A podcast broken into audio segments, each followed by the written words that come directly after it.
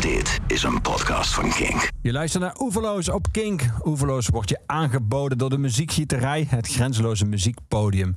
En mijn gast vandaag in Oeverloos is artiest, zanger, gitarist, componist, producer en nu ook schrijver. Christon, Ja. welkom. Dank je. Fijn dat je er bent. We kunnen jou kennen van, eh, van je band. Eh, laten we even luisteren naar een van de bekendste nummers van eh, Rigby.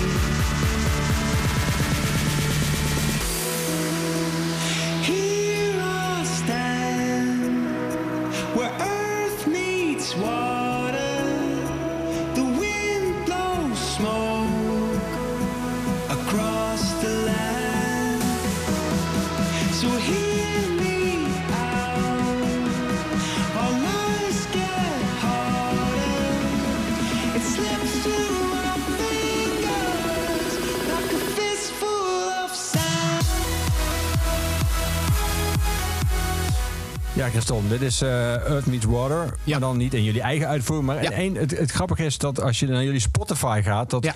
eh, dit nummer er eh, maar liefst vier keer in de top 5 staat. In vier verschillende uitvoeringen.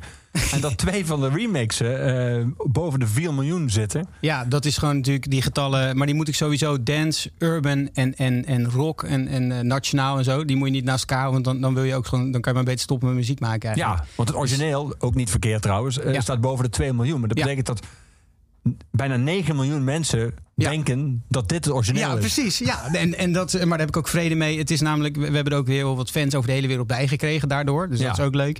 En eh, ja, ik weet gewoon dat het zo werkt. Ik maak muziek wat onder de duizend streams blijft. Dat ik gewoon een stream kan zien en die is in Zeist. En dan weet ik, oh, dat is mijn broer. Die heeft ernaar geluisterd. En voor de rest helemaal niemand.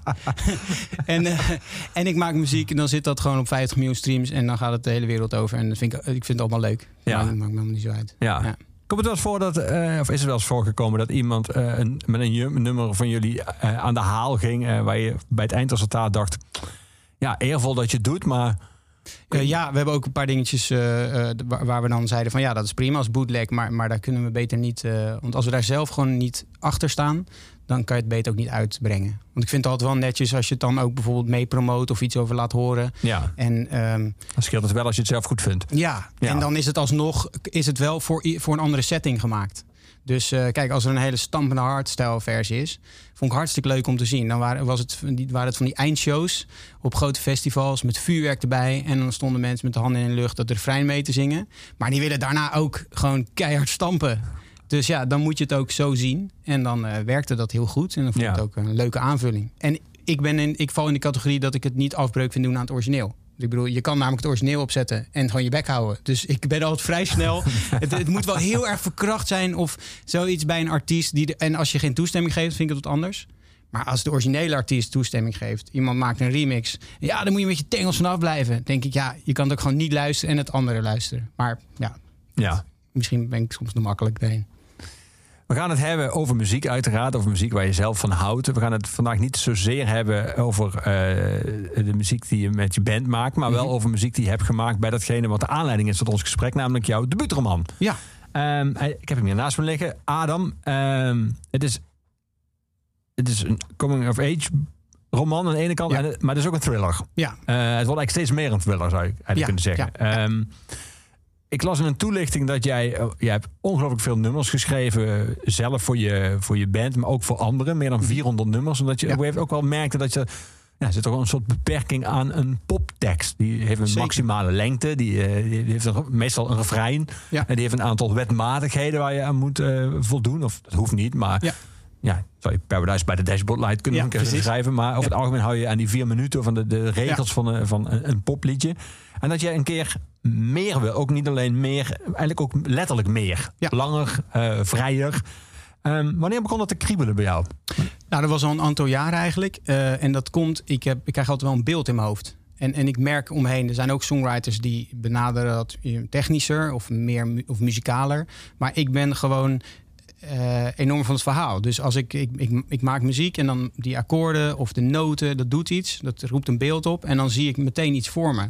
Dus ik heb wel eens voor Rigby een liedje gemaakt voor Pairs of of zo. En zijn mensen meteen, ja, is toch Two Pairs of Eyes? En ik zei, nee. dat is, dan gaat namelijk over vier mensen.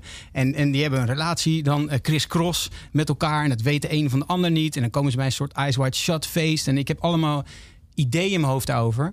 Maar ja, of je moet, heel, of je moet echt een soort Bob Dylan vertelstijl hebben. Dat is prachtig. Dan kan je ook op die manier. Maar ik zat in een, in een poprockband. En da, daar is helemaal geen plek voor. Dat, dat doet ook afbreuk eigenlijk een beetje aan, aan, aan, aan waar je het voor doet. Het liedje. Dan dient de tekst eigenlijk gewoon de melodie bijvoorbeeld niet meer. Nee. Nou, en dus ik vond het wel leuk om eens een keer. Ik dacht, ja, ik moet eens een keer gewoon een groter verhaal. En dan gewoon elke keer dat beeld wat in me opkomt. Maar dan gewoon dat eens echt gaan doen. Nou, zodoende had ik dit verhaal in mijn hoofd.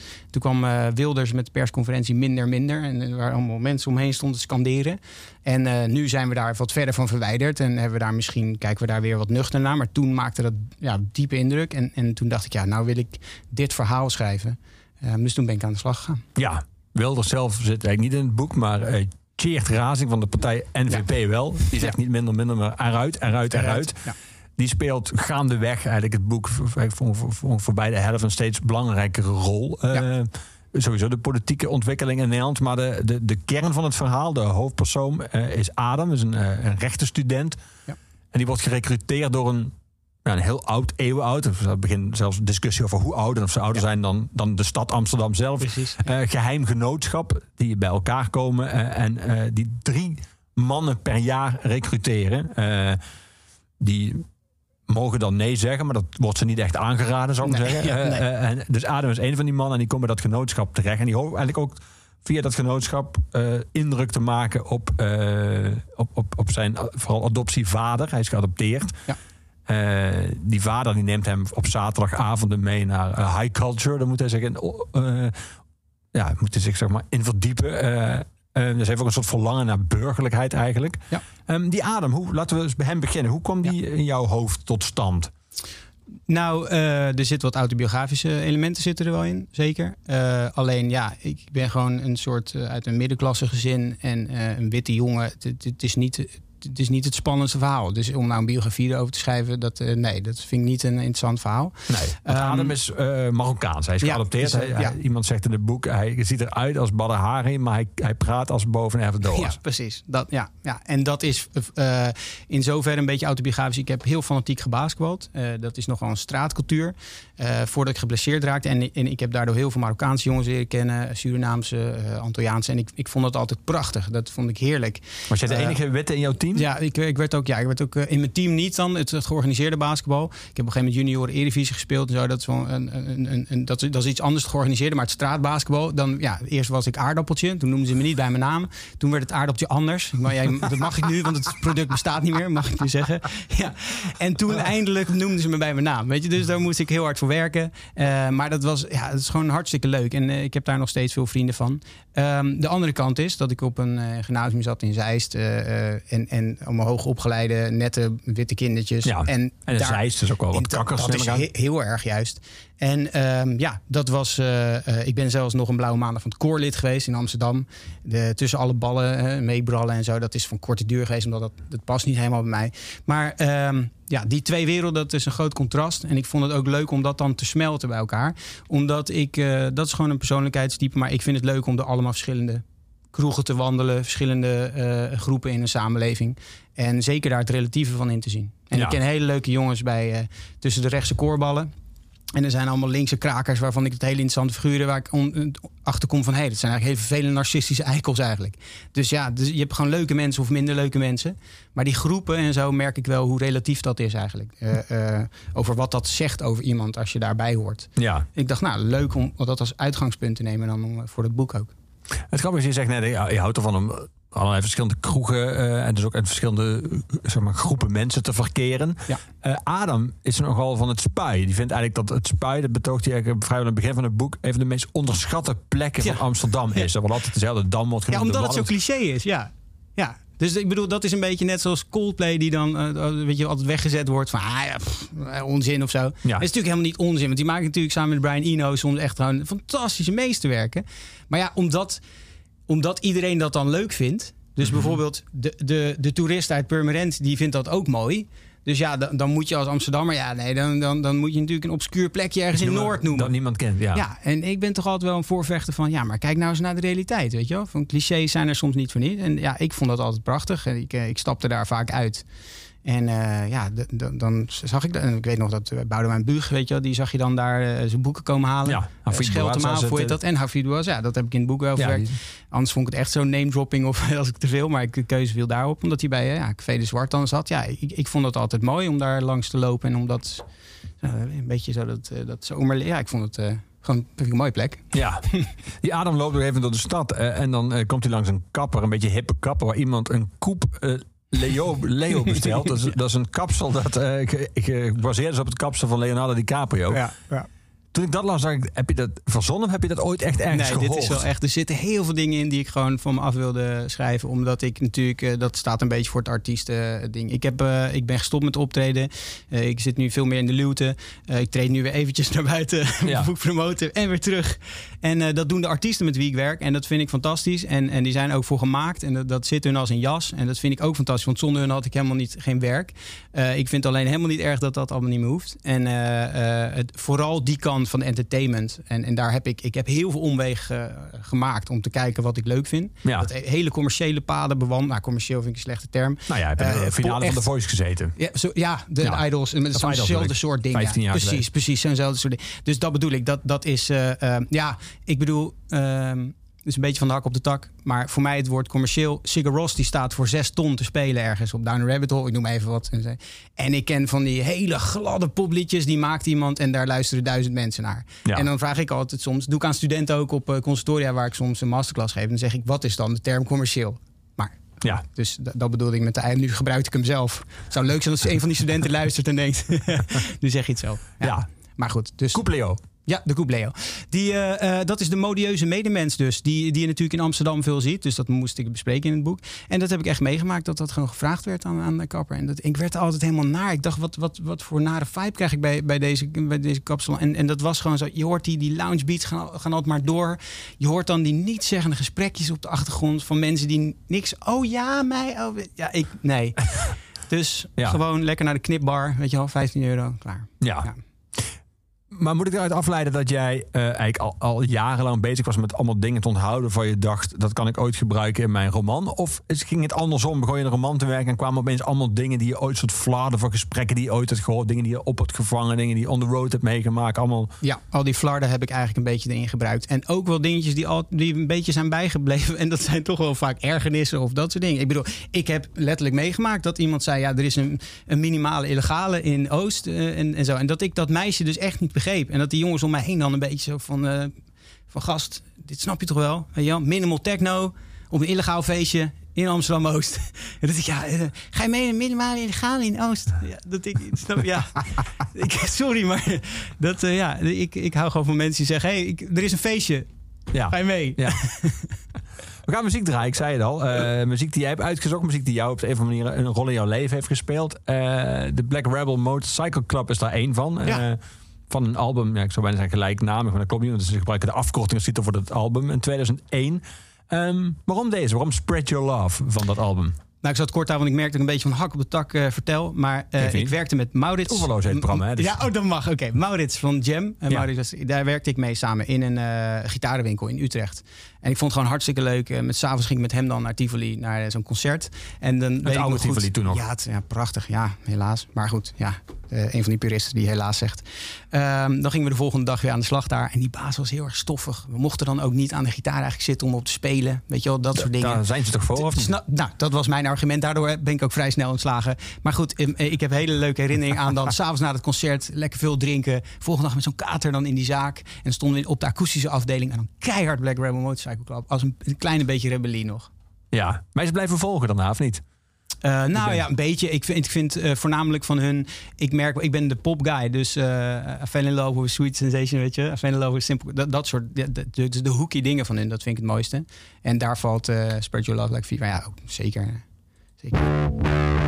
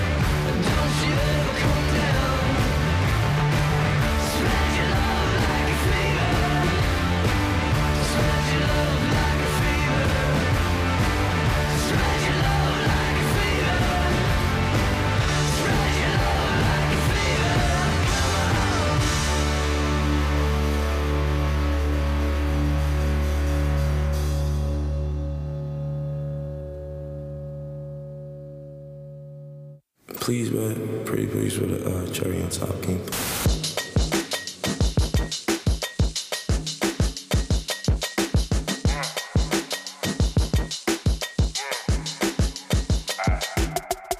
The weather cold, the weather so chill, chilly, willy, penguin feathered road. Cause I'm sipping pro, yeah, that meth is pro. Pro methazine, yeah, stepping stone. Oh, they acting up. Get your weapons wrong, they only killing time. Another second gone. I heard your man at home. Now you melatonin, but you acting young. and you hella grown.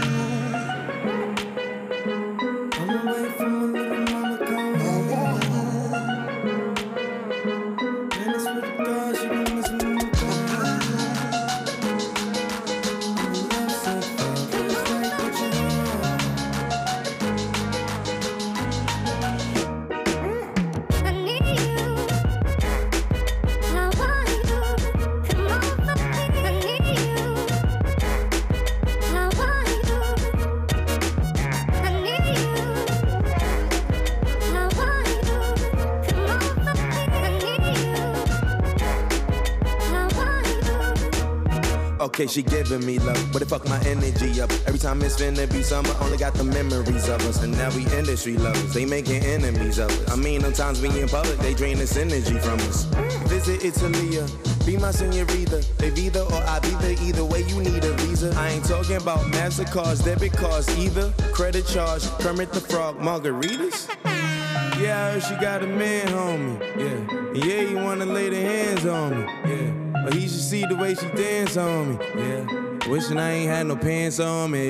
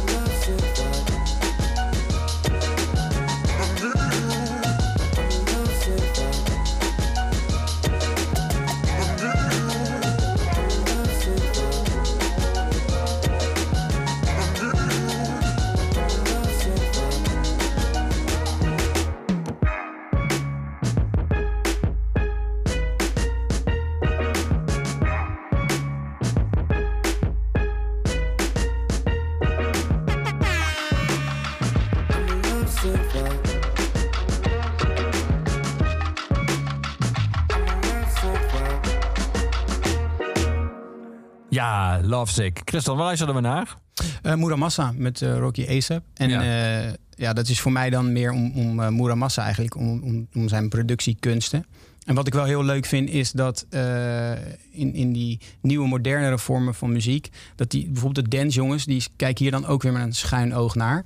En dan vind ik het wel grappig, je, je kan eigenlijk future-based, die- en zie je dan die ontwikkeling. En, en dan, dan, als je deze drop hoort, dan zit daar alweer, zie je eigenlijk vanuit, dit is meer vanuit de hip-hop.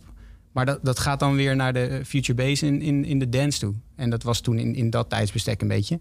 Dus ja, ik vind het wel leuk hoe dat dan elkaar een beetje inspireert. Ja. En, eh, naar hogere levels eh stout. Maar Muramasa vind ik gewoon eh, fantastisch. Ja. Ja, ja. Ehm, Adam, jouw hoofdpersoon van de gelijknamige roman, zegt op een gegeven moment, of denkt op een gegeven moment, als hij het nummer Daydreaming voorbij had komen. jammer eigenlijk, denkt Adam, dat albums nu zo moeilijk klassiekers kunnen worden. Door de steeds vluchtiger wordende consumptie van muziek. Een Moonchain Pool zou eigenlijk in de top 100 aller tijden lijstje moeten staan qua songs en productie. Maar dat gaat helaas niet meer gebeuren. Er wordt meer muziek geconsumeerd dan ooit, maar het is een secundaire activiteit geworden. Ehm Spreekt hier ook een soort de melancholie van de schrijver na de tijd dat muziek anders werd beleefd? ja, ik denk het wel. Ja, Hoe was dat bij jou? In jouw tienerjaren, hoe luisterde jij naar muziek? Nou, ik, eh, eh, dat was CD. Alleen eh, wat bij mij gebeurde was, dat is eigenlijk iets heel. Zo'n soort klein detail, wat je daarna opeens je leven wending geeft. Mijn CD-speler ging kapot. en ik ben nogal lui van aard. En ik vertelde dat ik fanatiek basketbalde. Dat betekent eh, elke dag trainen en geen tijd voor bijbaantjes. Dus er was weinig geld. En eh, er was gewoon een LP-speler, gewoon een pick-up van mijn ouders. Nou, die zette ik op mijn kamertje neer. En toen. eh, En je ouders protesteerden niet dat een platenspeler verdwenen was in nee, de dat was, woonkamer. eh, was oké. Nee, Oké. dat was oké. was prima. en, eh, want die waren ook op de cd overgestapt eigenlijk al. En de grap was dat eh, mijn vader dat ontdekte natuurlijk. En die denkt, nou oké. eh, en, en, en die ziet dan dat ik Crosby, Stills en Nash Young, Deja Vu ga draaien of zo. En die, en die ziet eh, Beatles en weet ik wat. En die vond het eigenlijk zo grappig dat hij dan elke keer gewoon, zonder te pushen, heeft hij nooit gedaan. Maar gewoon eens eh, een plaatje neerlegde van, nou moet je dit eens proberen. Of moet je dat eens proberen. De hoe en weet wat. En zodoende ben ik, en ik was daar helemaal weg van. En het is wel zo dat ik dan daar zo op aansloeg dat ik dan ook echt niks anders meer draaide. En dan, eh, ja, dan, en een vogelvlucht komt dan natuurlijk gewoon. eh, De popgeschiedenis. ja, precies. En eh, dus dat heeft mij heel erg gevormd. En dat is eigenlijk een heel stom ding geweest. Van ja, ik, ik zat gewoon in de hip-hop. Ik zat in, in, in, in van alles wat ik luisterde, wat er toen gewoon hip was. en opeens komt er door zoiets dat je CD-speler kapot gaat en je eigenlijk te lui bent. En dan ja, gaat er een wereld voor je open. Ja. En datgene wat Adam eh, verzucht in, in de roman, eh, dat eh, muziek nu vluchtiger is geworden, beleving van muziek, dat het, Ja. zoals hij dat noemt, een secundaire activiteit is geworden. Ja. Herken je dat bij jezelf? Herken je aan jezelf dat je ook anders naar muziek bent gaan luisteren, omdat de manier waarop je naar muziek kunt luisteren veranderd is? Nou ja, voor mij is dat sowieso lastig, omdat, het, omdat ik er vakmatig mee bezig ben. Het is gewoon echt heel moeilijk als jij, eh, als ik, ja, ik zit soms 12 uur, zit ik te mix aan iets of te werken. En dan zit, heb ik er gewoon geen behoefte aan om muziek meer te horen. Dat is gewoon de patatbakker waarvan je zegt, oh, lekker friet elke dag. Ja, daar heb je gewoon geen zin meer in. Toen ik live op, eh, optrad, was het heel veel dat mensen zeiden, ga mee naar een festival, zeiden vrienden. En dan zei ik, nou, laat mij maar even. Ja, ik had vier festivals gedaan het weekend, weet je. En dat is bij dit ook. Dus ik luister heel veel naar praat, ik luister heel veel Radio 1, weet je. Dus, maar onderweg in ieder geval in de auto. Ik denk dat ehm, dat secundaire luistergedrag, dat is wel echt een feit. Dus mensen gaan tegenwoordig hardlopen of gaan een diner hebben met muziek erbij. Of ze gaan eh, eh, mediteren met muziek. Of, eh, en dat is prima. Dus er wordt meer muziek geconsumeerd dan ooit. Maar wel Ehm, anders. Ja, want de romantiek. Ik bedoel, mijn buurman, dat vond ik echt dat vond ik zo gaaf.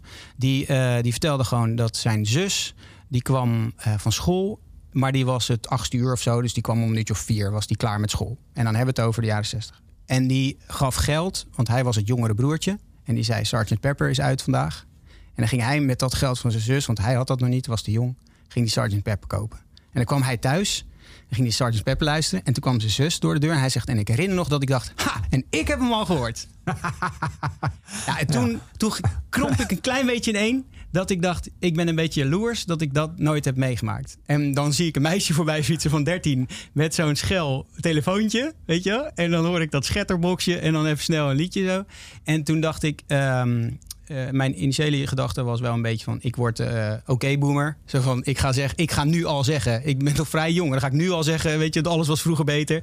dus dat wil ik echt niet. Eh, nog steeds vind ik het heel leuk om te merken, ik, ik werk met producers, die zijn 16 en die maken een nummer en dan zie ik meisjes van 15 die gaan daar helemaal gek en die draaien dat en die zijn er helemaal weg van. Maar die kennen ook echt letterlijk elke tekst en, en nou, wat je vertelde, als je met Ronnie Flex meegaat, dan merk je, er zijn ook fans, tuurlijk heb je altijd het, het idolaatschap van iemand, maar je hebt ook de echte fans die de tekst uitpluizen en heel erg met die muziek bezig zijn. En dus dat, dat gaat door welke generatie dan ook, heb ik ook, daar zit geen waardeoordeel op. Helemaal Nee. niet. En dan was vroeger niet alles beter. Alleen die in het, inderdaad ehm, een plaat opzetten, dat kost tijd. Hem gaan kopen en dan dat je daardoor waarde van inziet. En ook een checkie erbij draait en dan van, van kant wisselt. Dat is natuurlijk anders. Het ritueel eromheen. Het ook. ritueel, ja. En daardoor ook de aandacht die je voor iets hebt. En, en ja, dat komt is het ook natuurlijk... omdat het gewoon puur fysiek, eh, dat je een, een plaat, als je die opzet, of een cd, eh, een plaat nog meer, want die moet je nog omdraaien. Ja, die laat je meestal ook gewoon opstaan, weet je, anders moet je opstaan, die naald eraf. Ja. Terwijl even een nummer skippen op Spotify is natuurlijk echt gewoon... Natuurlijk, ja. Iets en ik, makkelijker. Ik merk het nu al, want ik zit in de auto met nog zo'n oude Jeep-rij en dingen. En daar kan alleen maar, eh eh, ze kunnen alleen maar cd's. En ik heb het moeilijk zitten doen. Hoe kan dat nou Bluetooth inbouwen? Weet je wat. Nou, nogmaals, ben ik weer te lui voor. Dus ik dra- draai dan heel veel. En dan heb ik een cd-wisselaar. En er zitten dan zes cd's van Tribe Called Quest en dingen. En die heeft mijn broer nou even mee. En ik merk dat ik daar al weken mee rondrij. Omdat ik gewoon, ik ben al te lui om het te, te veranderen. Maar dat is leuk, want dan ga je er echt zo helemaal in en duiken en, en, en, en in meegroeien. Ja, dat is nu iets minder. En ja, ik heb ook werk met artiesten die gewoon elke week een nieuwe release hebben. Die fans kunnen het ook niet meer bijbenen. Ehm, maar dat- wil niet zeggen, er wordt nog steeds echt prachtige muziek gemaakt. En dat zeg ik ook tegen alle mensen om me heen die verzuchten van ja, maar het is allemaal niet, er komt alleen maar rommel uit. Dat is niet waar. Er worden echt hele mooie dingen. Maar daar moet je dan zelf op, naar op zoek. En die, die verwijzing naar Radiohead wat ik maakte, ja, ik, dat was echt zo'n eh, eh, beleving. Ik was in Nashville, ik, eh, met een vriend met wie ik veel samenwerk. Wij stonden, we hadden één vrije dag tijdens albumopnames. Dus nou, we, waren, eh, we hadden twaalf eh, opnamedagen en we hadden echt zo'n zondag even lekker vrij. Het is zeer religieus daar in het zuiden, dus op zondag werkt niemand. En ik stond met mijn voeten stonden in het water en ze hadden toen twee tracks alvast uitgebracht daarvan. Volgens mij de Burning the Witch of hoe heet Nee, het? Burn the Witch, het openingsnummer, ja. Nee, En dan heb je de, de- die Daydreaming had Ja, volgens mij als tweede nummer, twee. ja. En toen gingen we alvast, stonden we in het water en, en met je voet en, en, en het was zo lekker weer en, en, en we hadden dat nummer opstaan en er was een meisje die deed van die backflips in het water. Dus ik dacht, dit is al een soort Radiohead clip aan zich die ik hier gewoon in real life mee zie gaan. En toen zijn we de, eh, de volgende dag zijn we, dat, volgens mij kwam de hele plaat, als ik me goed herinner. En toen zijn we die gaan luisteren. Nou, en er kwam ook wat, er ook wat joints aan te pas. En eh, ja, gewoon helemaal gewoon zo geluisterd op lekkere muziek. Maar ook de, de, de, van die eh, lampjes, weet je, de ledlampjes in kleuren gezet en zo.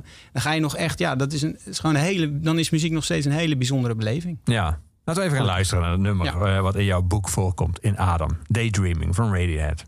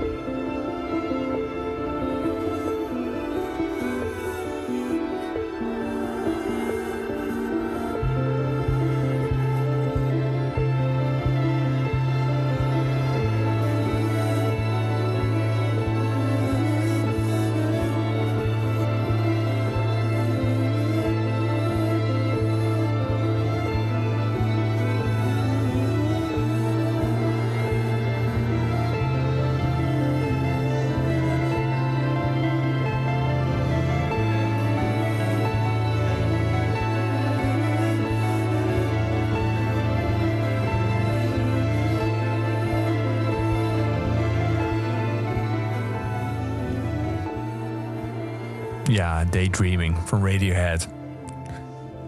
Wat jij net trouwens zei, eh, Christon, dat, eh, je had dat beeld, eh, je had dat ver- verhaal over eh, de Beatles drive, die platenspeler en eh, hoe dat was als je, die, als je, als je degene was die, de- die als eerste hoorde, nog Ja, dan degene ja. die gekocht was. Ja. Eh, en toen zei je weer even in een bijzin dat je toen tegelijk zo'n meisje zag langs fietsen met zo'n iPhone tegen haar hoofd, eh, waar dan de muziek uitkomt, zo schel. Ja. Ehm, is dat, heeft dat consequenties gehad voor eh, jou en voor andere eh, producers? Dat mensen, heel veel mensen muziek luisteren op installaties die gewoon best wel kut klinken. Ja, dat heeft er gewoon zeker effect. Eh, niet om dan maar minder hard je best te doen, want het maakt niet uit. Nee, maar wel op frequentiegebied. Ja, klinkt een beetje nerd en technisch, maar ik, ik kan, je kan een hele dik basgeluid maken. Maar als je weet dat 80% van de mensen dat dikke basgeluid niet gaat horen op een, op een laptop, ja, dan, eh, dan moet je een manier vinden dat je nog steeds dat dikke basgeluid kan doen, zodat die 20% die het op een goede speakers horen, dat ook nog steeds krijgen. De mensen met subwoofer. Ja, precies, ja. ja. Maar dat je ook, eh, ja, dat is een technisch verhaal, maar bijvoorbeeld in mid, in de distorted, als je dat en dan er zijn trucjes om dat alsnog eh, goed eh er doorheen te krijgen, zodat je die bas nog steeds wel hoort. Eh, en, en ja, dat zijn dingen waar je wel rekening mee moet houden. En helaas is dat geshift. Ik weet dat ik met Erwin Musper daar, dat die heeft onze eerste plaats van Rigby, hebben daar ooit zijn ze naar Cincinnati afgereisd. Eh, heel inspirerend om met hem te werken. Alleen dat Ja, was de eerste Van discussie. Van Van Helen gedaan ja, bijvoorbeeld. precies. Ja. Ja. Ja, Maar die En- komt uit een andere tijd. die komt dus uit een, echt uit een tijd waarin hij niet snapte wat ik bedoelde. En dat ik, dat ik überhaupt daar al over na wilde denken. Vond hij, ja, vond hij gewoon eh, van ja, je moet het doen voor de mensen die, die een de moeite nemen. hebben gekocht, ja. Precies, ja. En ja. Kijk, en het, het, het geeft ook een beetje het relatieve weer. Want eh, ja, je hebt ook de super audiofielen die, die voor, voor tienduizenden euro's aan, aan, aan apparatuur kopen. Dat is natuurlijk ook soms een beetje kleren van de keizer. Eh, het- Ja, de, de, het is natuurlijk zo in de jaren negentig, want daar hebben we het niet over gehad. We hebben natuurlijk mooi die vinylperiode. De cd-periode zit natuurlijk ook bijvoorbeeld heel veel status aan vast. Vroeger had je de mannen en die hadden dan 10.000 cd's. En zeiden ze, kijk eens, weet je wel. Dat is net alsof ze hun auto lieten zien of whatever. Dat was hetzelfde, dat was de cd-kast. En toen werd het, een, het werd steeds treuriger. Want toen zeiden ze daarna, ik heb 256 MB aan muziek op deze harde schijf. Dat was dan status, toch? Kan je je nog herinneren? Ja. Of misschien heb jij leukere mensen om je heen. Misschien heb ik de verkeerde mensen ontmoet. Maar dat, en, eh, eh, dat is nu niet meer... Wat wel leuk is, is dat het bezit van muziek is natuurlijk weggevallen. Is geen Ja. status meer. Het gaat er gewoon om, wat vind je leuk? En da- ja, dat is dan wel eh, eh, het, het positieve daaraan. Ja. ja, grappig. Nooit over nagedacht zo. Dat is dan ook een enorm verschil. Ja. Ja, zeker. Dat was natuurlijk eigenlijk een hele perverse tijd in, in de jaren negentig. Ik bedoel, Ik was eigenlijk vooral onder, eh, indruk van mensen die, eh, gewoon die netjes gesorteerd hadden op alfabet. Ja, oh, heerlijk. Ik heb gewoon een bevriende eh, muziekjournalist, Werner Slosser. Dat vind ik fantastisch. Die, die, die is daar echt helemaal... Ja, ik ben ook zo'n zo'n dude die dan op een gegeven moment denkt... ja, ik woon te klein. Ik moet gewoon die cd's... Ja, het staat in de weg. En ik heb alles online. Dus ja, ik heb dat aan hem gegeven. En die, is van, die gaat dubbele exemplaar. En die, het staat allemaal op volgorde en zo. Ja, prachtig. Ja, te gek. Maar Ja. je moet ook groot wonen, ja. Ja. Adam, ik citeer uit het boek, gebruikte wel eens drugs, maar werd er vaak paranoia van. Ecstasy of vloeibare MDMA vielen 9 van de 10 keer verkeerd. Er stond Adam weer complottheorie over aliens en de CIA en meisjes uit te leggen die er helemaal niet op zaten te wachten. Toen ik dat las, dacht ik, ah, dan is het probleem dus. Dan gebruiken gewoon veel te veel mensen ecstasy en vloeibare MDMA. Want er zijn zoveel complottheorieën over ons heen. Precies. Ja, Ja. ja. In deze, zeker in deze coronatijden en de social media. Ja. Ja, die social media die spelen ook al een rol in jouw boek. Dus Ja. je- je- er zit ook al een kritische eh, noot in over, eh, nou eigenlijk over media van deze tijd, maar vooral social media en de rol ervan. Ja. Ehm, ben jij zelf ooit gevoelig geweest voor complottheorieën? Of ben je daar Nee, zeggen, te Ik- rationeel ik- voor? Nee, nee, nee. Ik, ik ben daar zelf ook wel eh, gevoelig voor. En ik merk ook heel veel songwriters. Ik merk dat eh, je hebt er nog een verschil soms tussen songwriters en muzikanten, merk ik. Songwriters zijn vaak toch wel met verhalen bezig. Eh, dus als ik in een groepje kon ik wel eens gewoon de songwriter eruit pikken. Ook op, eh, ik zit veel op internationale schrijverkampen. Eh, en, en dan de echte song- songwriters, die, is- die loopt dan toch ergens over 9-11 iets te, te, te zeiken of zo. En dat, ja, dat zegt iets over je dat het tweede creatief... gebouw Ja. bij 230 graden, dat staal toch dat, Ja. nou, precies dat soort. En dat heeft natuurlijk te maken met een creatief brein. Ga je dingen eh, onderzoeken van, is dat wel zo? Je gaat het vanuit meerdere kanten bekijken. Ja, het is, het, heeft ook wel, het is ook wel logisch. En ik heb dat gehad. Eh, en en eh, inderdaad, het creatieve brein moet ook niet te veel drugs krijgen. Eh, dat, dat, dat is ook in niet ieder geval het geval van Adam, eh, de goede drugs. Ja, de goede Die drugs. voor hem goed werken. Om, eh, om geval te worden. coke trouwens. Ja, Ja. ja. Ja, ja dat, eh, ik, ik, ik hoorde dat als je interviews gaat geven als schrijver, ik, ik hoef daar dus, eh, eh, nu ik dit aan het doen ben, dacht, dan mag je overal zeggen van, eh, ja, of dat nou autobiografisch is of niet, Ja, dat laat ik even in het midden. Je kan het altijd afschrijven op de hoofdpersoon. Ja, precies. Ja, dus, eh, maar ik kan ook gewoon eh, heel eerlijk zijn, d- dat is wel echt autobiografisch. Ja. Dus eh, eh, bij mij geestvrij. Ik, ik ben al eh, creatief en vrolijk en chaotisch genoeg. Dus als je daar wat bij doet om dat losser te maken, dan wordt het te los, zullen we maar zeggen. dus ik heb wel eens onder zo'n dekentje gelegen dat ik echt dacht, nou, die mensen die daar aan het lachen zijn, die, die gaan mij straks eens wat aandoen of zoiets, weet je wel. Ja. Maar goed, dat trekt na een paar uur weer weg. hè? Die paar uur kan wel heel veel Ja, die kan gênants heftig. gebeuren. Ja, we- We gaan naar... ik- zeg jij Sufjan of zeg jij Soufiane? Ja, die vind ik altijd lastig. Ik vind altijd, ja, Sufflul Stevens noem ik hem wel eens. tegen echt eh, al mijn eh, vrienden met hele goede muzieksmaak. En dat doe ik dan om te sarren. Want Ja. ja, ja het, is, het is een grote held. Ik heb hem denk ik al drie keer live gezien. eh, wat voor mij veel is, want ik ga niet vaak naar dezelfde. Ehm, ik weet dat ik nu tegen iemand praat die natuurlijk eh, al 25 keer bij Bruce Springsteen, eh, nog vaker. Nee. 25 keer? Hoe vaak ben je bij Bruce? Nou, Nee, dat gaat ver over de 100. 100, ver over de 100? Ja. Vet, ja, ja.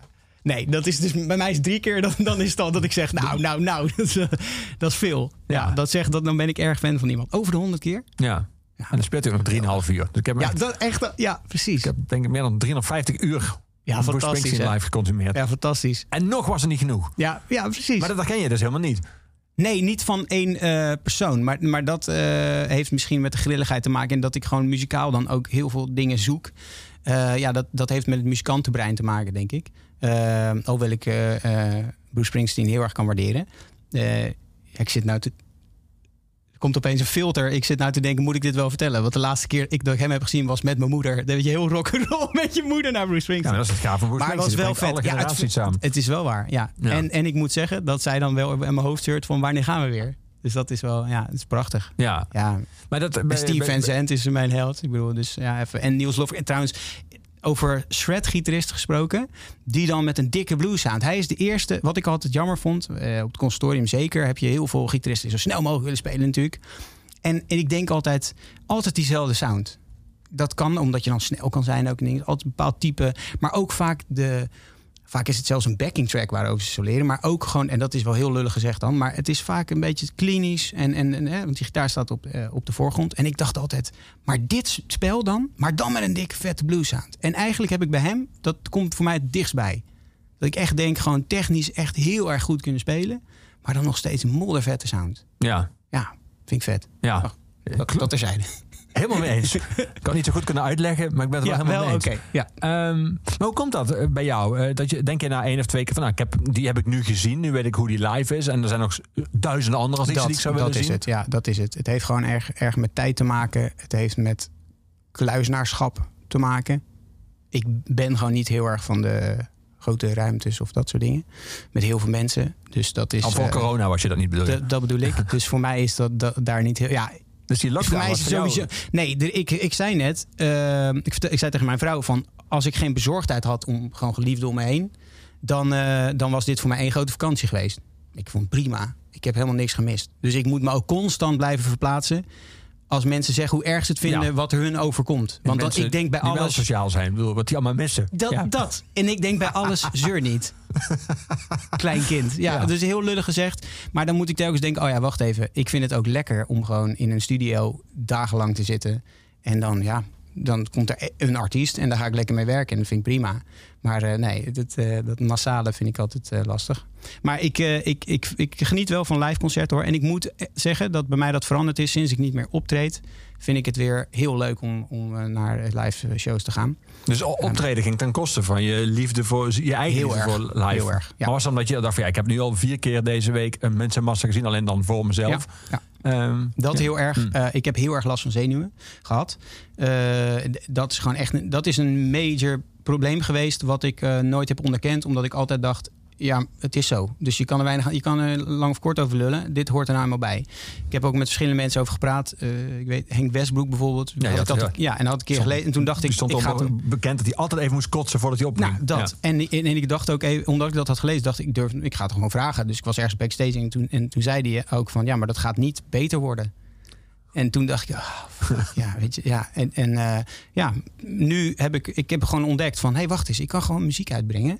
Ook die onder, onder mij gaan ook van dingen. Maar dan hoef ik hem, ik hoef niet te gaan promoten. Ik hoef niet. Dan moet je ook niet gaan huilen dat er niemand naar luistert of zo. Dat is dan, ja, oké. Maar nee, je hoeft dus niet meer op te treden. En daar, ben ik, daar heb ik zoveel rust van. Want mijn dag was gewoon eh, verneukt als ik s'avonds moest spelen. Ja. En als jij honderd keer per jaar speelt, dan zijn er honderd dagen dat je denkt: vanavond, eh, pff, nou, vanavond. eh. En de- mijn ex-bandleden hebben bijvoorbeeld ook allemaal hele leuke herinneringen. Dus die zeggen ook de hele tijd eh, van: ja, dat hebben we daar toen en dat. Het is allemaal allemaal voorbij gegaan, omdat ik altijd bezig was met: oh, ik moet zo, ik moet zo. Dus ja. Maar gingen die zenuwen dan wel weg als je er eenmaal stond het eerste nummer en dat is natuurlijk het raar. Want ik bedoel, ik heb meer dan duizend keer denk ik wel opgetreden. Dat is toch raar dat als je voet het podium raakt, dat alles weg is. Maar een normaal mens zou dan toch denken: ehm, nou, dit ken je, dit gaat niet goed, weet je wel. Maar het is zo meteen weg. Maar ergens is dat toch, ja, als er een psychiater is die die switch bij mij kan omzetten, graag. Maar tot die tijd eh, denk ik, ja, ik heb mezelf nu de eh, gewoon de luxe gegund van dat hoef je zelf echt niet aan te doen. Dan Nee. is dit gewoon niet voor jou. En ik vind het heerlijk om in de studio eh, urenlang eh Ja, een of, synthesizer te of, of, zou je dan kunnen zeggen als buitenstaander... Ja. die twee uur die erop volgen, die zijn zo gaaf... dat die eigenlijk al die uren en ellendige zenuwen daarvoor... een soort van wegwagen. Dus je hebt maar een dat had ik Je niet hebt echt. een kutdag gehad, maar Ja. vanaf tien uur s'avonds is die wel helemaal Ja. geweldig. Maar ik, dat had ik niet echt. En ik denk dat dat op twee dingen zijn. Of het, als, je het, nou, als je het over Bruce Springsteen hebt, dan wordt het echt soort topsport van 3,5 uur. Hè? Echt gewoon jezelf geven. Dat, ik denk dat dat heel gaaf is. En ik, ik blijf erbij, ik ben een componist eerst. En, en dus ik, ik denk dat als ik free jazz had gemaakt, of dat vond ik te gek, dan zou ik denk wel elke avond willen optreden. Want dan ben je elke avond eigenlijk aan het componeren. En ik zat heel erg vast met een band van, nou, dit is het liedje wat we gaan spelen. En nou, dan gaan we dat spelen. En ik miste gewoon van, van ik wil gewoon elke dag wat anders doen. Dus, en ik, ben, ik vind ook zoveel muzieksoorten leuk. Dat, eh, ja, dat kan niet dan. Je, je, het klinkt heel hard, maar je bent een soort coverband van jezelf. Als je dat heel lang gaat doen. En natuurlijk mag je weer een nieuw album gaan maken en dan weer twee. Maar ik wil elke dag een album maken. Snap je? Ik wil elke dag gewoon. eh, eh, en ik wil dan urban maken, dan dit soort muziek. Dan, ik, ik vind het gewoon heel leuk om verschillende dingen te doen. En dat is dus ook ja, met al die verschillende muzikanten. Ja. Sufjan, toen je hem live zag, je drie keer. Ik, ken, ik was die de eerste keer heel goed, als was je niet teruggegaan. Ja, maar ja. was die, was die anders, drie keer? Dus bij, bij hem kon je het wel heel goed zien. En dat, maar dat had ook een beetje te maken met zijn eh, succes wat dan erbij kwam. Dus steeds grotere zalen. Dus de eerste keer zag ik hem in zijn eentje. En ik dacht dat hij... Ik zag, oh, dat is weer zo'n artiest die weer heeft zitten blowen hoor. En ik was samen met een vriend van mij, die is psychotherapeut. Een paar jaartjes ouder. En die zei tegen hem, nou, ik denk, ik denk dat hier ook wat anders aan de hand kan zijn. Vond ik wel grappig. Is me altijd bijgebleven. En hij had ook een kaart bij zich. Daarop die ging aanwijzen. Echt een, een map van, nou, daar gaat dit liedje over. Holland, dat ligt hier. En weet je, toen was hij al, dat zijn eerste optreden, was hij al een beetje zo bezig. Eh, maar je ziet ook wel echt een best wel verlegen iemand eh, op het podium zitten. Eh, en de derde show was volgens mij Paradiso, of, of Melkweg, maar in ieder geval met kerstmannen in het publiek gooien en cheerleaderspakjes. Hè? Dus dat was een groot contrast. En beide heel erg leuk. Ik vind van hem alleen zo fantastisch dat hij, dat hij, ja, hij, durft ook echt ja, rauwe dingen neer te zetten. Ehm, en ik zat in een heel commercieel groepje, XYP.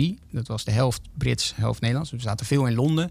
En dit keer zaten we in Liverpool. En we hadden net een fantastisch we hadden een optreden gedaan. Ik had een masterclass van Paul McCartney met hun gehad die dag. Nou, dus mijn dag was helemaal Zo. fantastisch. Ja. Dus ik, ik was vol van, ja, ik zit op het juiste pad. Die muziek is misschien net niet helemaal wat ik wil, maar je moet ook niet altijd zeiken. Weet je, ja. Zijn allemaal dingen als je opportun en je bent in je twintig jaren, dan zijn er ook stemmetjes die soms, tenminste mij, mijn ego en weet niet, of ambitie, die dan zeggen, ja, oké, het is wel niet helemaal zo, maar wacht maar. En eh, nou, het is natuurlijk zo'n dag is fantastisch. En toen zat ik in het hotel en toen was er echt een eh, super gave indie band. Ik kan even niet meer de naam komen, maar die, die hadden daar ook opgetreden. En die zaten dus in die lounge en zaten achter een computer of zo even mail te checken of dingen. En die jongen zat naast mij en die zat te neurien. En dat was eh, John Wayne Casey III. En ik, ik maakte daarna die tekst af. En toen hebben we samen dat nummer afgezongen. En, en, en, en toen zei hij, ja, "Ah, wat doe jij dan? Nou, hij vertelde dat. En toen zei hij, oh, jij hebt ook opgetreden. Ja, wat doe jij dan? En ik weet nog dat ik mezelf helemaal kapot schaamde... voor de band en de muziek waar ik in zat. En dat was voor mij een soort switch dat ik dacht... ja, wat, zit je nou, wat ben je nou aan het doen? Je, je durft niet eens te vertellen aan iemand wat je echt doet. Dan moet je hier toch zo snel mogelijk... En dat was voor mij een soort breekpunt dat ik dacht, ik moet hier eh, uit. Dus het contrast tussen dat je aan de ene kant... een van je jeugdidolen... even terug naar die plaatspeler, Ja, weet je wel... ja. Paul McCartney, dat je echt denkt, wauw... dat is het opportune... Maar s'avonds durf je niet te vertellen waarom je daar eigenlijk was. Nou, toen dacht ik, ja, ik moet uit die band, ik moet hiermee stoppen. En eh, ja, los van dat eh, in het liedje zelf eh, hij zingt eh Following John Wayne's T-shirt, dat is natuurlijk Ja, het is bizar, toch? Want dat is wat je denkt bij een seriemoordenaar. Gaat dit over, overigens. Sorry voor de Ja. luisteraar die, die niet weet waar het liedje over gaat. Maar die heeft ook een moeder gehad. En die, is, die heeft met een babytje in de armen gestaan. En die, is natuurlijk, die zijn trots. En dan uiteindelijk wordt het, wordt het een gruwelijke moordenaar. En, maar ooit heeft die moeder die shirtjes gevouwen. Ja, ik, dat is... De, de kippenvel vind ik dat Ja. echt. De rilling, en dan kippenvel dat de rilling over je gaan. Hè? ja. Ja. Laten we gaan luisteren.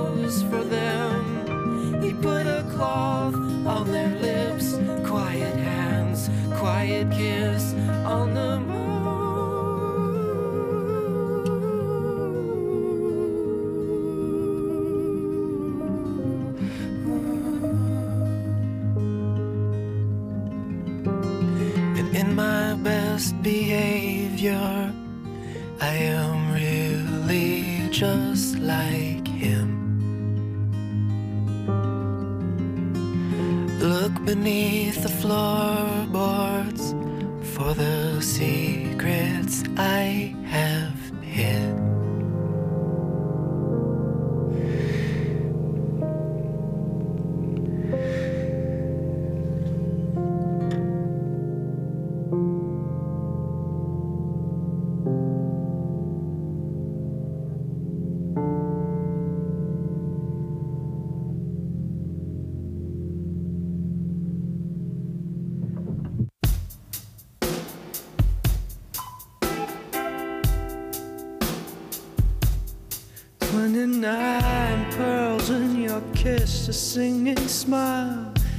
Coffee smell, lilac skin, your flame in me.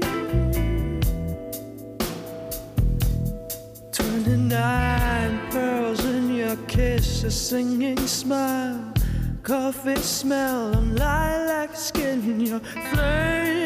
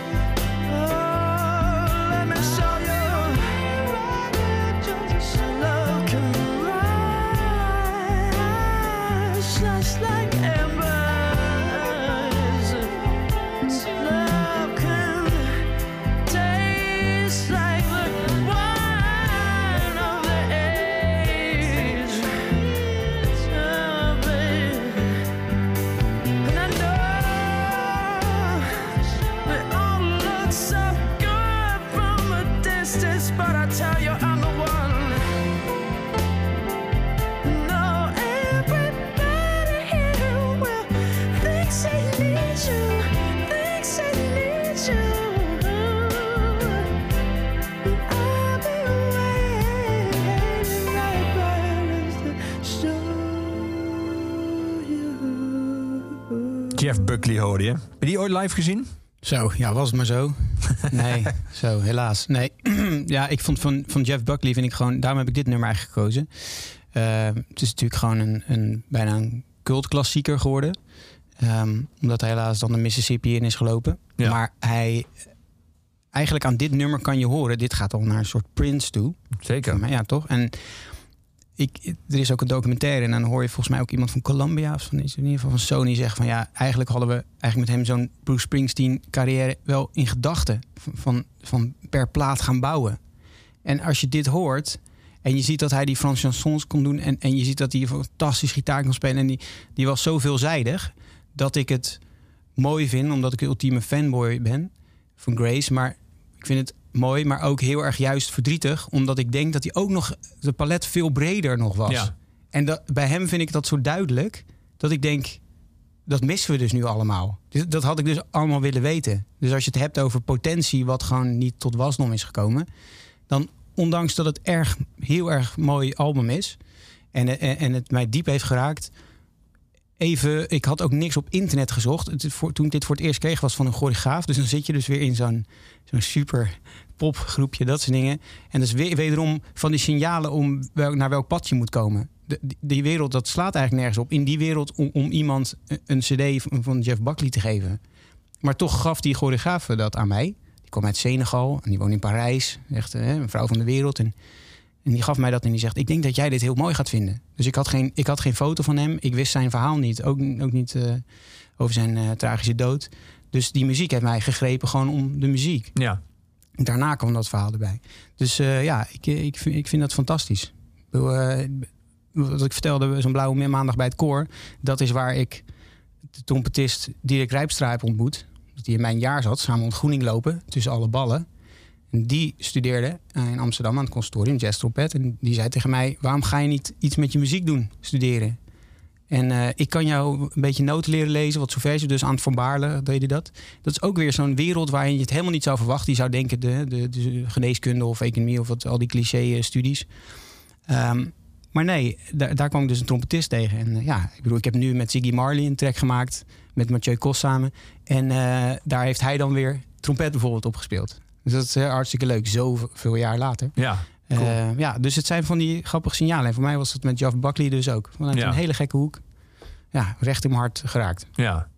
Die tijd, korte tijd, eh, zei al dat je bij het koor hebt gezeten. Heeft dat, dat, er zitten natuurlijk heel veel elementen in dat eh, geheime genootschap in je boek waar Adam voor gerecruiteerd wordt, Ja. waar die lid van is, die heel corporaal zijn. Ja. Ehm, ehm, je zei al het begin van het was uiteindelijk toch niet e- echt iets waar jij je heel erg thuis voelde. Nee. Ehm, maar heb je het altijd ont- onthouden dat je daar ooit iets mee wilde doen? Of kwam dat ook eigenlijk, was het ook meer andersom? Dat je twee andere man gingen werken, Adam, dat eigenlijk al die herinneringen aan het koor terugkwamen? Ja, toen, toen kwamen dat soort dingen wel terug. En ook de locatie was ik op verliefd. Ik studeerde aan de Oude Manhuispoort. En dat, dat, ik dacht, ik wil die locatie gebruiken. Ja. Ehm, en dat komt echt. Ik heb, dat was, kwam uit een gesprekje. Ik ben naar, eh, ik heb rechten gestudeerd dus. Nou, twee maanden denk ik. Ik ben naar één gastcollege van Job Cohen in die tijd geweest. En eentje ging over schutting of ik weet het niet meer. Ik weet niet wat voor recht het was. Ik dacht, ja, wat ben ik nou aan het doen? Ik, ik dacht op een soort foute manier dat van ja, als ik nou rechten ga doen, dan kan ik misschien voor de goede zaak op de Rainbow Warrior mee. En dan weet je, maar dat, dat is natuurlijk niet. Dat is niet wat, wat recht is. Want het is gewoon super droog. En het, hè, dus zoals iedere gesjeesde rechtsstudent ben ik ook weer zo'n idioot geweest. Ja, dus voor juridisch te- advies hoeven bij jou niet te komen eigenlijk. Sorry? Voor juridisch advies hoeven Nee, dat moet je zeker niet doen. Moet je zeker niet doen. Nee, nee. En dat laat ik nu ook allemaal aan mijn management over. Daar ben ik zeer slecht in. Maar eh, eh, de oude mannensport waar het gegeven werd, waar die, waar, die, waar die lessen waren, dat vond ik zo prachtig dat ik tegen zo'n studieadviseur die zei: Nou, doe dan even de, de voordelen en de nadelen van deze studie. Als je, of je wil doorgaan of niet. En ik, noem, ik noemde eigenlijk de locatie. En toen zei hij ook: voordeel. Ja, toen zei hij: Ja, weet je, dat, dan ga je die vier jaar niet volmaken als je. Ja. Ja, maar ik, ja, ik, ben daar, ik ben door rare dingen dan gefascineerd. Dus, dus dit, dit boek ook. En dat is voor mij ook een ding. Dan zo'n locatie. Ja, ik, ik vond dat prachtig. En die boekhandelaren die daar dan voor zitten. Ja, ik, ik, ja, dat, ik dacht, daar moet ik iets mee. Ja, ja, dan maar die studie. Ja, dat, ja, dat is heel gek. Maar dat, ik had daar echt zo'n... Want ik, je kent wel soms die romantische comedies. Dan is er zo'n Amerikaanse eh, film. En die zit dan op zo'n campus. Maar dan zo'n klassieke oude campus. Ja, ik vind het fantastisch. En draaien ze vaak in de herfst. Met hè, die blaadjes die vallen. Ja, ik heb daar een soort romantisch beeld bij. Dus ik vond dat fantastisch. Om dat spui over te steken. En dan ga je daar zo naar die... Ja, ik, ik dacht, wauw. En toen dacht ik ook nog... In dat boek dacht ik dan daarna van... Hé, hey, en als we nou eens gewoon een, een gedeelte in het boek doen... Of eh, sorry, op die locatie waar het is verbouwd... En waar een geheime ruimte is. Misschien Ja. kan ik daar iets mee. Ja. Maar dat, dat doe ik eigenlijk alleen maar als excuus... zodat ik over die, iets over de locatie mag zeggen. Het fascinerende is aan het boek eh, qua tempo, dat, eh, of qua ritme, dat eh, naarmate de ontwikkelingen toenemen en ook sneller gaan, en er komen intriges en een, een sport als vol coke, eh, Adam wordt opgepakt, kan niet te veel. Is een Ja, thriller, nee, hij is ook, hij is ook ja. plot-driven, dus ik kan niet te veel weggeven. Ja. Maar op een gaan de ontwikkelingen sneller en sneller. Blijkt grote politieke ontwikkelingen te zijn en een soort masterplan. Eh, worden de hoofdstukken korter. Dus het, het tempo voel je op, eh, ook gewoon qua ritme in het boek. Zeg Ja. maar. Je, je, je, gaat, je, moet, je moet eigenlijk sneller bladeren, want elk een hoofdstuk afgelopen een nieuwe hoofdstuk. Ja. Ehm, merkte je terwijl je, dat schrijf, terwijl je schreef dat dat als vanzelf ontstond? Of heb je daarover nagedacht, zou ik bijna zeggen? Zoals Sofian op het podium, toen je met je vriend daar was, dat hij met een soort schema stond. En van, Ja. zijn nu hier, zijn nu hier. Ja, Eh, nee, daar heb ik wel echt een beetje over nagedacht. Alleen dan, ik heb ook bijvoorbeeld van uitgeverij hele mooie afwijzingen gehad. En eh, eh, ik had een meetlat voor mezelf neergelegd van ik wil een uitgever hebben, anders komt het boek gewoon niet uit. Je wil niet Dan- zelf uitgeven, zoals Nee. sommige mensen het dan nee. doen. En dat komt ook omdat ik al muziek maak. Ik heb al eh, eh, in verschillende manieren gedaan. Ik heb op verschillende manieren de spotlights opgezocht. Ik wil heel helder bij mezelf onderzoeken of het niveau er is. Of het niet alleen maar ego is waarom ik het doe, maar ook de interesse. Nou, dat was goed. Want als je een boek gaat schrijven, dan moet je dat echt leuk vinden.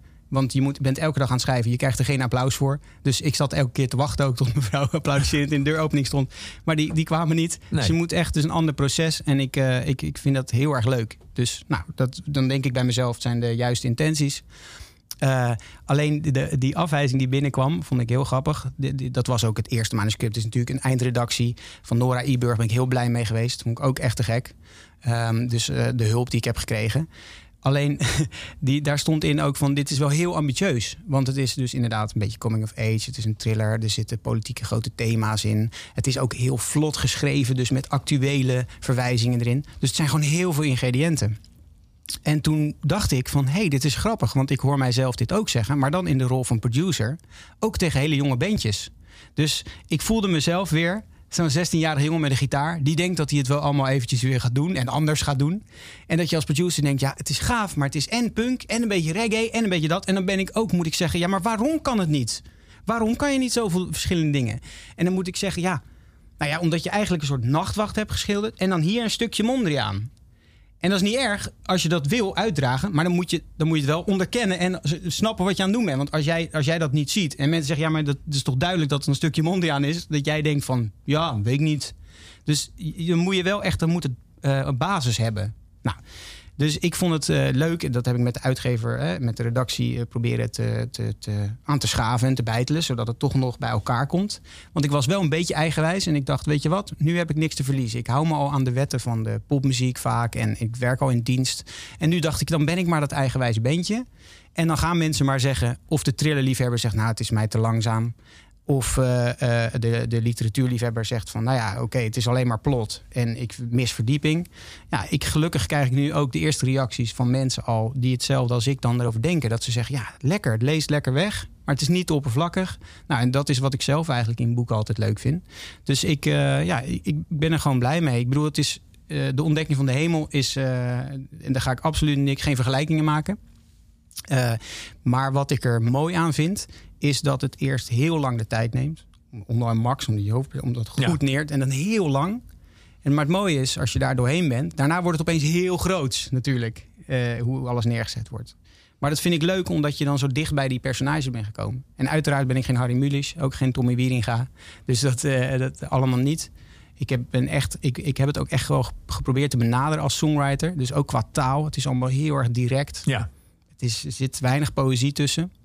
Ehm, maar ik wil wel dat element van eerst even wel heel goed neerzetten over wie dit gaat. Ja. Zodat daarna het plot wat diepte meekrijgt. Ja. Want eh, we hebben Adam, maar Adam heeft ook nog een vriendin. eh Tatum, die heeft die eh, al Jay ontmoet in Paradiso. Ja. Ehm, nou, daar, daar heeft hij ook, hij, hij doet wat dingen. Hij gaat een soort van, ligt eraan wat je, wat je definitie is van vreemd gaan. Maar Oh ja, ja. dan eh, gaat hij een soort van, lastig. gaat hij een soort van vreemd. Daar voelt hij zich heel erg schuldig over. Dat speelt dan ook een vrij grote rol. Dus je had wel wat balletjes op te houden, zeg maar, eh, als schrijvende. Ja, ja zeker. Maar ik, ik, ik vond wel, en, en ik vind ook elke belofte die je maakt, hè, die, die moet je inlossen. Dus eh, al die kleine verhaallijntjes eh, heb ik wel echt geprobeerd om, eh, om op te lossen op het einde. En ook niet dat Irriteert dan... dat? Dat zie je bij films vaak. Dat er, dat er een soort van zes verhaallijnen uitgezet en twee worden eigenlijk nooit afgerond. Ja, nee, de, ben je daar gevoelig voor als dat gebeurt? Ja, Ja, losse eindjes? Jawel, en, en ik vind ook wel gewoon dat als je dat doet, dan, dan moet je die lezer dat ook geven. Of er moet een duidelijke reden zijn waarom je het niet doet. Dan kan het ook poëtisch zijn. En voor mij, soms wil je niet afscheid nemen van iets. Dus ik vind het prima dat bij de Soprano's het op zwart gaat.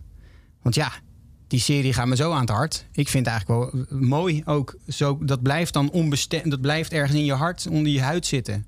De eindshot bedoel je? Ja, ja. En je hebt Journey daarna in je hoofd. Ja, precies. Don't ja. stop believing. Wow, wow. Ja, en wat, ja, daar zitten, daar zitten meer muziekmomenten in. Ik bedoel, ik weet dat ik Dirty Works, volgens mij van Steely Dan, toch? Ja, dat is, Dirty Work, dat is zo'n eh, prachtig nummer.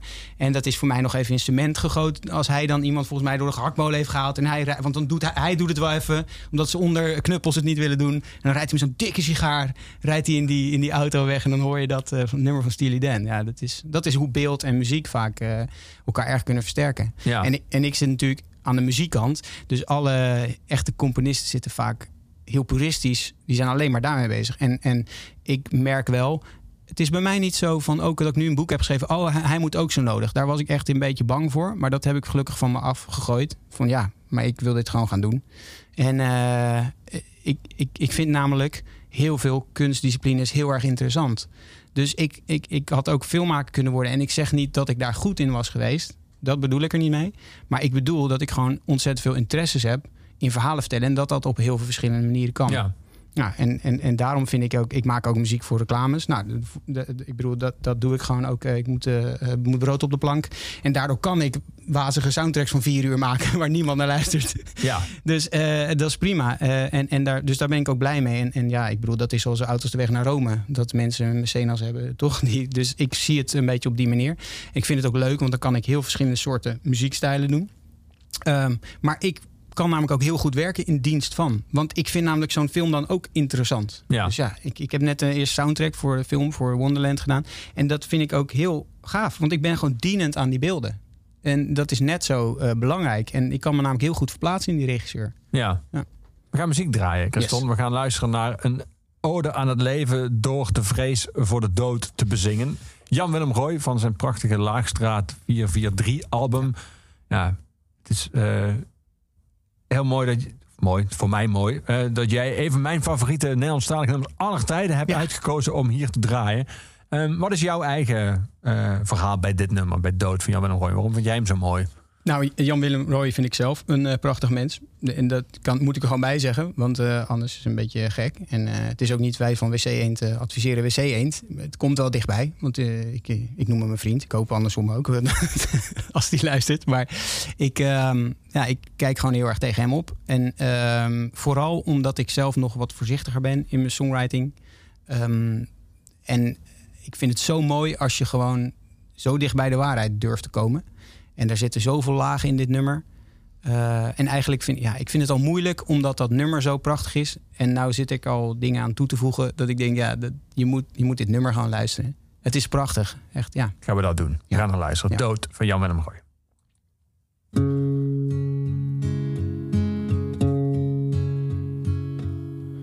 Soms als ik in bed lig ben ik bang dat ik dood ga. Niet echt meer ben ik bang dat ik dood ga. Meestal ben ik veel mug als ik denk. Dood gaan we allemaal. Dat weet ik wel, maar ik wil hier nog niet weg. Hoe schoon het in de hemel ook zal zijn. Met brandewijn van die engeltjes me heen. Ja, dood gaan we allemaal. Dat weet ik wel, maar ik wil hier nog niet weg.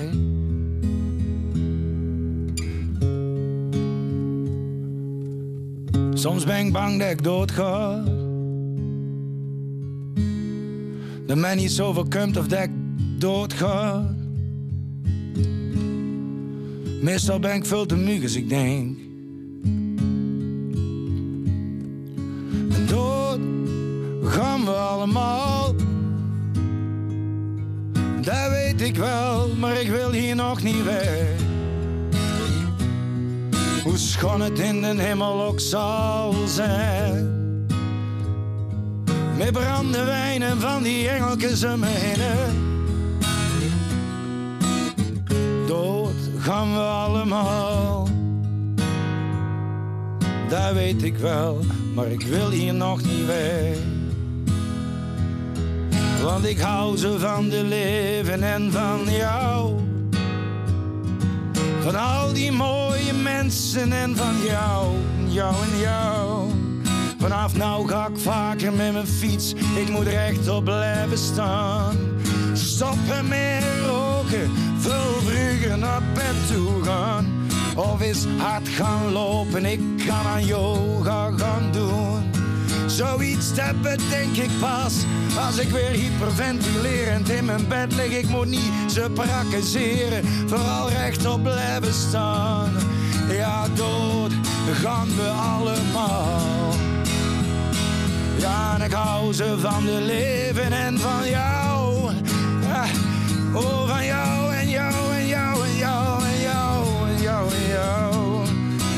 kon het in den hemel ook zal zijn.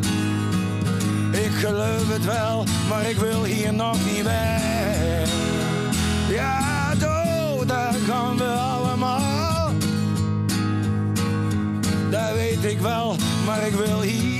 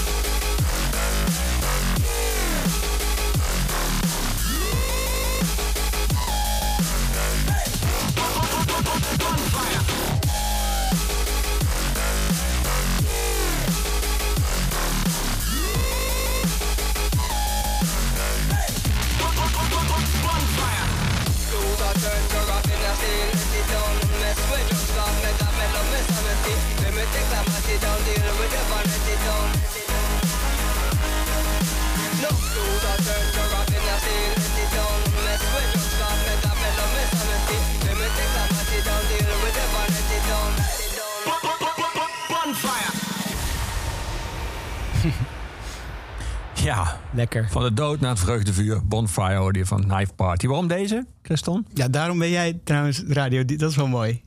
Ja, dat is deze zin al. Vind ik goud trouwens.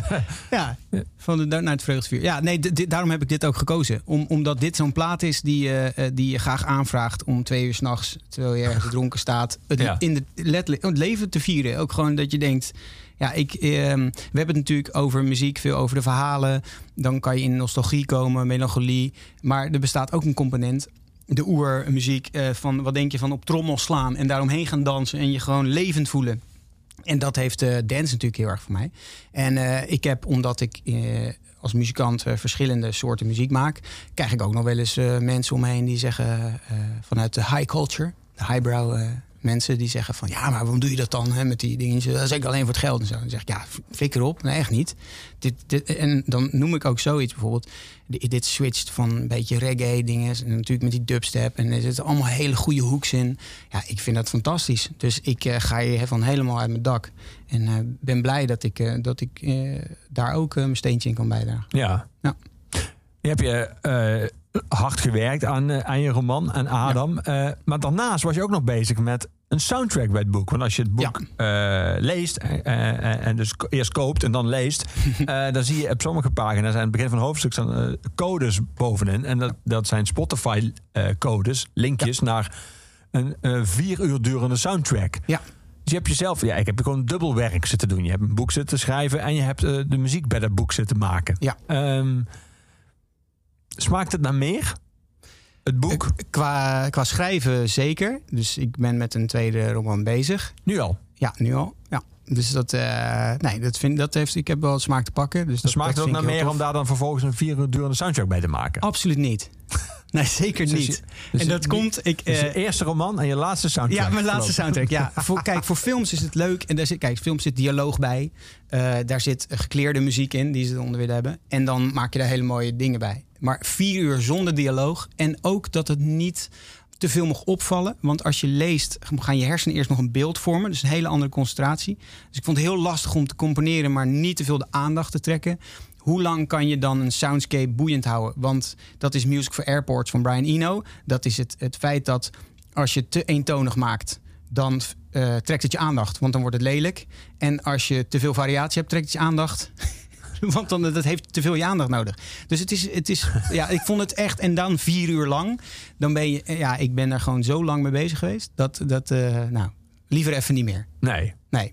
Dus, eh, Het is heel maar- flauw om te zeggen. Je hebt het jezelf allemaal aangedaan. Maar Ja, niemand heeft natuurlijk gevraagd om daar vier uur lang een soundtrack bij Nee, nee, nee. Maar het was, zo- ja, ik vond het zo leuk. Omdat ik gewoon. Het, als je, nee, ik Je heb het vaak gewoon. leuk. Ik vond het idee leuk. En dat is vaak. Ik heb heel vaak dingen. Ik vond Rigby Radio leuk. Waarom? Met de band.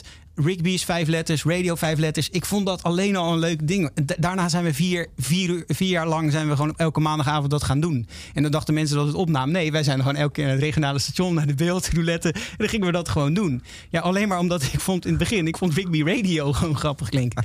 nou, en dat is hetzelfde met die soundtrack. En, en dan denk je, ja, dan moet je er wel voor gaan. En ik had gewoon gegoogeld. Ja, dat kan dus gemiddelde leestempo van de Nederlander. Dat is heel gek, maar er kwam echt iets uit van... nou, per zoveel bladzijden doet een gemiddelde lezer zo lang over. Toen dacht ik, ja, dan moet ik dus echt wel... Ik dacht eerst dat het nog veel langer was. Maar het blijkt dat mensen wel degelijk gewoon vijf minuutjes lezen... in slaap vallen de volgende dag weer. Dus die zijn soms een maand met een boek bezig en denken... nou, dat is heel lang. Maar als je flink doorleest, dan, dan moet je er mee komen. Ook met een gemiddeld boek van eh 250 bladzijden of zo. Het is alleen zo dat ik eh, dacht, weet je wat? Ik heb 30 hoofdstukken. Het geheime genootschap heet eh, Triginta. Ja. En eh, dat komt ook de drie kruisen van eh, Amsterdam. Dat is een beetje het grapje. Dus ik dacht, hoe leuk is het als het 30 hoofdstukken heeft? En eh, ik dacht, nou, dan moet het ook een beetje uitkomen zo. Dan zie je op het laatste ook die Triginta zo verschijnen. Ja. Toen dacht ik, nou, dan moeten we ook gewoon zorgen dat die, die soundtrack een beetje meegaat. Maar ja, dan heeft het natuurlijk ook mee te maken wat ik zei. Tempo ging omhoog. Spannende scènes, mooie scènes, eh, oplossingen die tussendoor zitten. Wat ik vind, dat moet iets meer uplifting zijn. Ja, dan, dan ben je gewoon lang, lang bezig. Ja, en, eh, nou, ja, maar wel leuk. En wat ik heb onderschat, ik dacht dat mensen het concept grappig zouden vinden. Maar dan, dat je dan zou zeggen, ja, heb ik wel een paar keer doorheen ge- geluisterd en prima. Nee, ik heb, krijg nu reacties van mensen die eh, echt het, het experiment zijn aangegaan. En het boek hebben gelezen echt met de muziek op de achtergrond. En dat ik dan Ja. krijg van, nou, voor mij was het dus net te snel of net te langzaam. Maar dan heb ik hem op repeat gezet. En dat ze dan zeggen van, ja, het ging Ja. echt mee. En ja, toen denk ik, nou, dan is het toch waard geweest. Ja, want het is natuurlijk een gemiddelde wat je hebt onderzocht. Maar het gemiddelde is natuurlijk altijd afhankelijk van nee. het, het midden tussen langzamere en snellere Ja, nee, een, een, vriend, nee, het is eh, een vriend van mij, eh Heimel Smulders. Die heeft ook eh, de, de, de op, omslag gemaakt. En doet ook de, alle artwork als voor al mijn muziekprojecten. En ik heb een studio samen met hem. En ik zit bij hem in dat pand. En hij zei dus nog vanmiddag, of vanochtend zei hij tegen mij... Ja, ehm, de- een vriend van hem, die heeft het eh, boek eh, gekocht. En die, heeft ook, die is helemaal met de soundtrack bezig. Maar die zei, ja, het voelt als een soort leestest. Want ik haal het telkens niet. En toen zei hij, man, maar hij is ook dyslectisch. dus ja, maar toch tof dat hij het, eh, dat hij het aangaat. Ja, dat is Ja. iemand die hem op repeat zet. Ja. Ja. maar eigenlijk, je hebt er zoveel werk in gestoken in die soundtrack. Je bent echt gewoon een ondankbaar hond als je het alleen maar leest. Ja, moet- eigenlijk een beetje wel, ja. Er, er zei iemand, zei, die vertelde, ja, dat vond ik ook leuk. Ik was boek aan het lezen. Tubular Bells kwam net op het moment van, eh, nou, ik zal het niet verklappen, een spannend moment. En er kwam Tubular Bells van Mike Oldfield. En toen dacht ik, ja, ik ben hartstikke blij, want ik vind het heel lief dat eh, zij het gelezen heeft. Dus nogmaals, ik ben je heel dankbaar, mocht je nu meeluisteren. Maar ik dacht ook, hé, hey, wacht eens even. De soundtrack stond dus niet aan. Adam, hij ligt nu in de boekhandel Ja. van Christon. Dankjewel dat jij was. We gaan afsluiten altijd oeverloos met het laatste woord. Dus altijd aan onze postuumhuisdichter Luc de Vos. We gaan daar afsluiten met Gorky. Maar daarvoor draaien we nog één nummer uit jouw... ja, geen cd-kast, want die tijd is dus voorbij. Ja. Maar uit jouw virtuele cd-kast. We gaan naar de Wu-Tang Clan luisteren. 1993. Waarom deze? Nou ja, ik, dit eh, luister ik altijd met mijn broer. En eh, wat ik al vertelde met basketbal, dat is natuurlijk echt een hip-hop cultuur. En voor mij was het heel grappig dat er dan, ja, zo'n witte gast met zo'n gitaar, weet je wel, met een beetje lang haar. En dat, dat, dat klopt daar niet helemaal in dat beeld. En Wu-Tang Clan, ja, dat, dat, dat, wij gingen ook alles fonetisch uitschrijven. En dat, nu ik het teruglees, het klopt allemaal niet. Het Engels klopt nog eigenlijk helemaal niet. Maar ik vond het zo gaaf. Vooral de stukjes van Method Man. Die heeft echt een hele mooie melodische manier van rappen. En eh, nu is het te gek dat ik dan met mensen, rappers in de studio zit. En dat ik het dan over Wu-Tang Clan of over Nas of over... Weet je, en, en, hey, prachtig uit die tijd. eh, ehm, Notorious B.I.G. Ook prachtige stukken. Ten Crack Commands. En, en, en, en zij, zij snap, het is wel grappig dat zij dat dan nog niet kennen. En, en dan dat je echt denkt, ja, maar wacht even. Je staat op de schouders van Reus. Je moet echt gewoon, dit, eh, dit is de basis. Ja, Dus dan geef ik ook wel streng, eh, als producer geef ik ook wel eens wat huiswerk mee. hij is ook mee. Ja. Know your Dus- roots. Ja, precies. Ja. Je luistert naar Oeverloos, je aangeboden door de muziekgieterij, het grensloze muziekpodium. Dadelijk als afsluiter Gorky, maar eerst hier dus Wu-Tang Clan.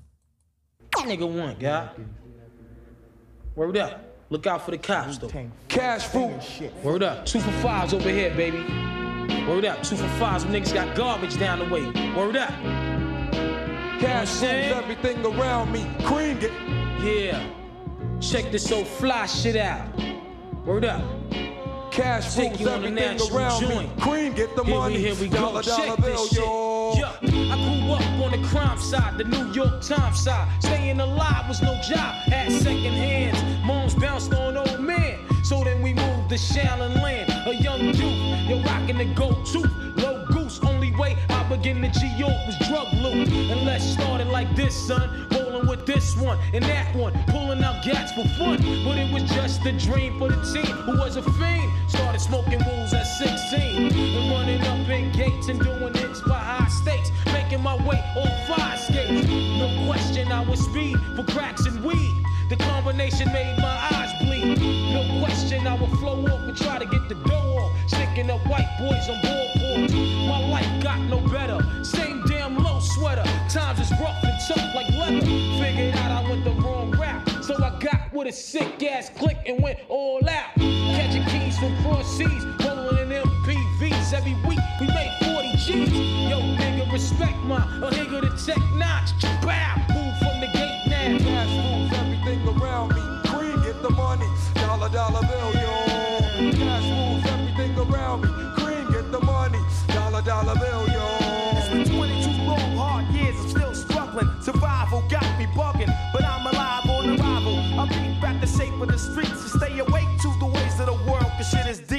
Man with a dream with plans to make cream, which failed. I went to jail at the age of 15, a young buck selling drugs and such, who never had much, trying to get a clutch of what I could not. The court played me short, now I face incarceration. Pacing, no one upstates my destination. Handcuffed in back of a bus, 40 of us. Life as a shorty shouldn't be so rough. But as the world turned, I learned life was hell. Living in the world giving chase, selling bass, smoking bones in the staircase. Though I don't know why I chose to smoke cess. I guess that's the time when I'm not depressed, but I'm still depressed. And I ask, what's it worth? Ready to give up, so I seek the old earth who explain working hard may help you maintain to learn to overcome the heartaches and pain. You got stick up kids, corrupt cops, and crack rocks and stray shots, all in a block that stays hot. Leave it up to me while I be living proof to kick the truth to the young black shorties running wild, smoking cess, drinking beer, and ain't trying to hear what I'm kicking in his ear. Neglected for now, but yo, it got to be accepted. That what? The life is hectic. Cash moves everything around me. Cream, get the money. Dollar, dollar bill, yo. Cash moves everything around me.